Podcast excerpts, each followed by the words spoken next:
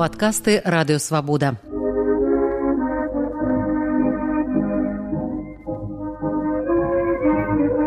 Сто гісторый пра БНР Сергеем шупам.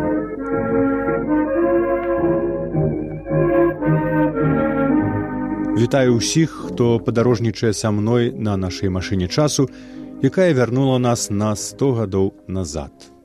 Беларускае пытанне ў Маскве, аднак не было закрыта. Наадварот, 31 ліпеня 1920 у Менску адбылося абвяшчэнне незалежнасці з савецкай сацыялістычнай рэспублікі Беларусі.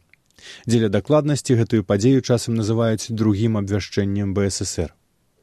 З гэтай нагоды была прынятая адмысловая дэкларацыя спакутаваная змучаная Беларусь, краіна беларускіх, рускіх, польскіх яўрэйскіх рабочых і сялян, пры дапамозе доблеснай расійскай рабоча-сялянскай чырвонай арміі завяршае справу свайго вызвалення.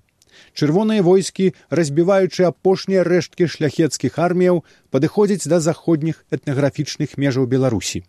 Рабоча-сялянскі народ Беларусі цяпер можа свабодна выявіць сваю волю і сам вызначыць свой лёс, формы свайго далейшага існавання і свае ўзаемаадносіны з суседзямі. Другое абвяшчэнне было ўжо куды больш сур'ёзнае, чым першае. ССРБ 1919 году была часовым тактычным утварэннем з мэтай прасоўвання рэвалюцыйнай хвалі на захад калі ж бальшавікам зрабілася ясна што з сусветнай рэвалюцыі давядзецца пачакаць дык на пострасійскіх прасторах пачалі будаваць больш трывалыя квазідзяржаўныя будынкі. Аднак другая савецкая беларусь хай сабе і больш сур'ёзная і больш беларуская чым першая не давала шмат прасторы для нацыянальнага аптымізму. Абвешчаная была яна на моцна абгрызенай тэрыторыі усяго ў шасці паветах менскай губерні а адным з кіраўнікоў яе сакратаром цэнтральнага бюро кпбб быў вільгелем кнорын які ва ўпор не бачыў ніякіх беларусаў. Сваё ўяўленне пра іх ён ясна выказаў кастрычніку восемнадцатого мы считаем что беларусы не являются нацией и те этнографические особенности которые их отделяют от остальных русских должны быть изжиты абвяшчэнне бСр у адпаведнасці з дэклараваным бальшавікамі правам нацыяў на самавызначэнне моцна звузіла поле палітычнага манеўру для дзеячоў бнр.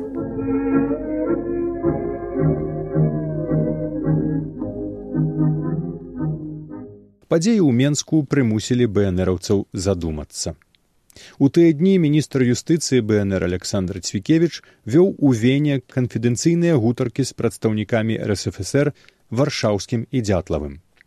Ад імя ўраду бнр ён заявіў ім што калі савецкі ўрад прызнае незалежную беларускую савецкую рэспубліку на ўсёй этнаграфічнай тэрыторыі беларусі то ўрад бнр перадасць такой рэспубліцы свае паўнамоцтвы гэтая заява была прынятая для перадачы ў москву цяжка сказаць наколькі цвікевіч быў упаўнаважаны рабіць такія заявы. Праз нейкі час пасля гэтага ластоўскі згадае ў адным з лістоў пра неарганізаванае выступленне ў вене якое не мусіла больш паўтарыцца.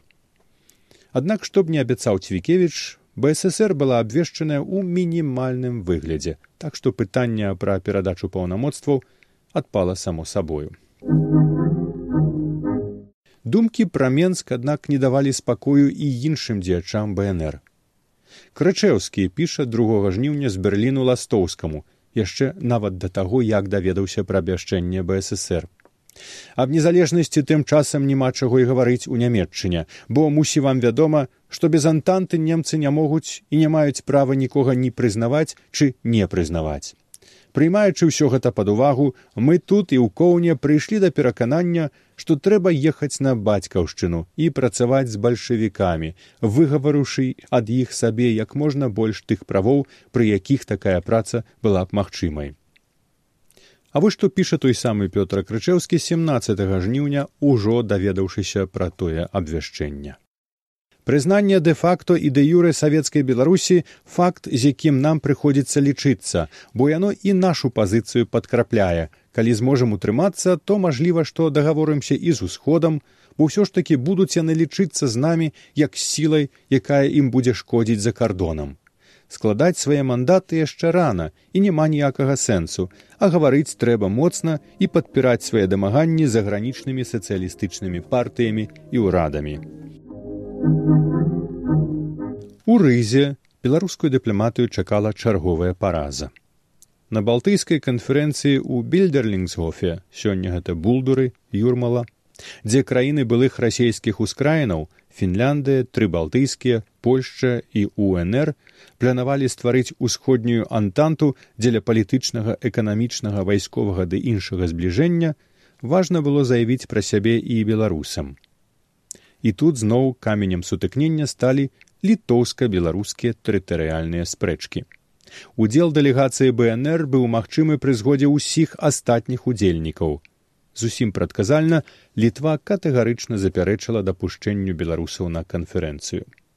Старшыня беларускай дэлегацыі янка чарапук паведамляў віленшчына і горадзіншчына это той гордзеў вузел каля якога ўсё звязана гастрату адносін літоўска-беларускіх узмацаваў яшчэ пратэст беларускага ўраду проціў аддачы літоўцам бальшавікамі беларускіх зямель і эксплуатацыі лясоў Ага, пратэст ураду БНР супраць літоўска-савецкай мірнай дамовы ўсё ж быў пачуты.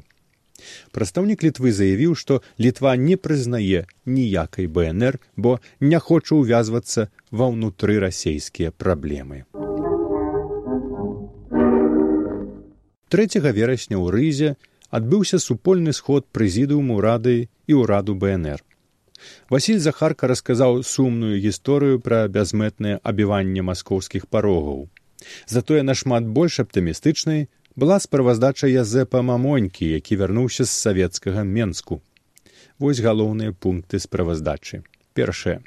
Палякі, пакідаючы менск, спалілі шмат будынкаў і прычынілі менску страшэнныя страты. Руіны мамонька сфатаграфаваў і прывёз з сабой фоткі, але ў архівах яны, на жаль, не захаваліся. Другое. Пасля адыходу палякаў улада ў менску была ўзятая беларусамі на чале з самім грамадзянінам мамонькам. Трэцяе. Але з прыходам чырвонай арміі ўладу на жаль давялося аддаць гэтай чырвонай арміі. Чацвертае бальшавікі прапанавалі беларускім партыям раздзяліць з імі ўладу але ўсе партыі апрача беларускіх камуністаў ад гэтага адмовіліся і пятае беларускія дзеячы вядуць працу ў культурна-прасветных установах і кааператывах усюды вынесеныя рэзалюцыі наконт абавязковасці ва ўсіх школах беларускай мовы.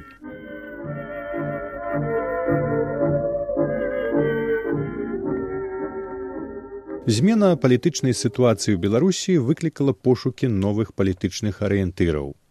Учорашні галоўны вораг Польшча перастала быць гаспадаром становішча ды імкліва адступала.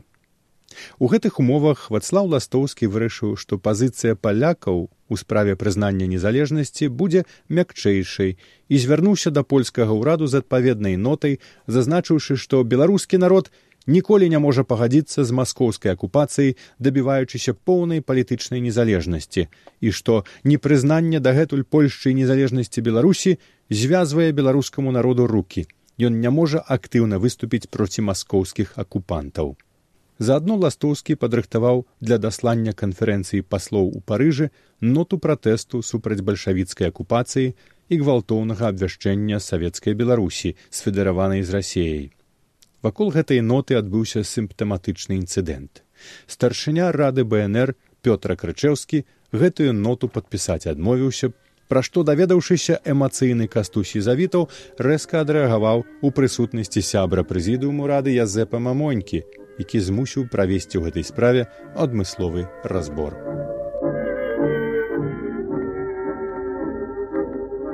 Вы слухалі падкаст радыёвабода. Усе падкасты свабоды ў інтэрнэце на адрасе свабода кропка орг. Штодня у любы час у любым месцы, калі зручна вам. Свабода кропка орг. Ваша свабода.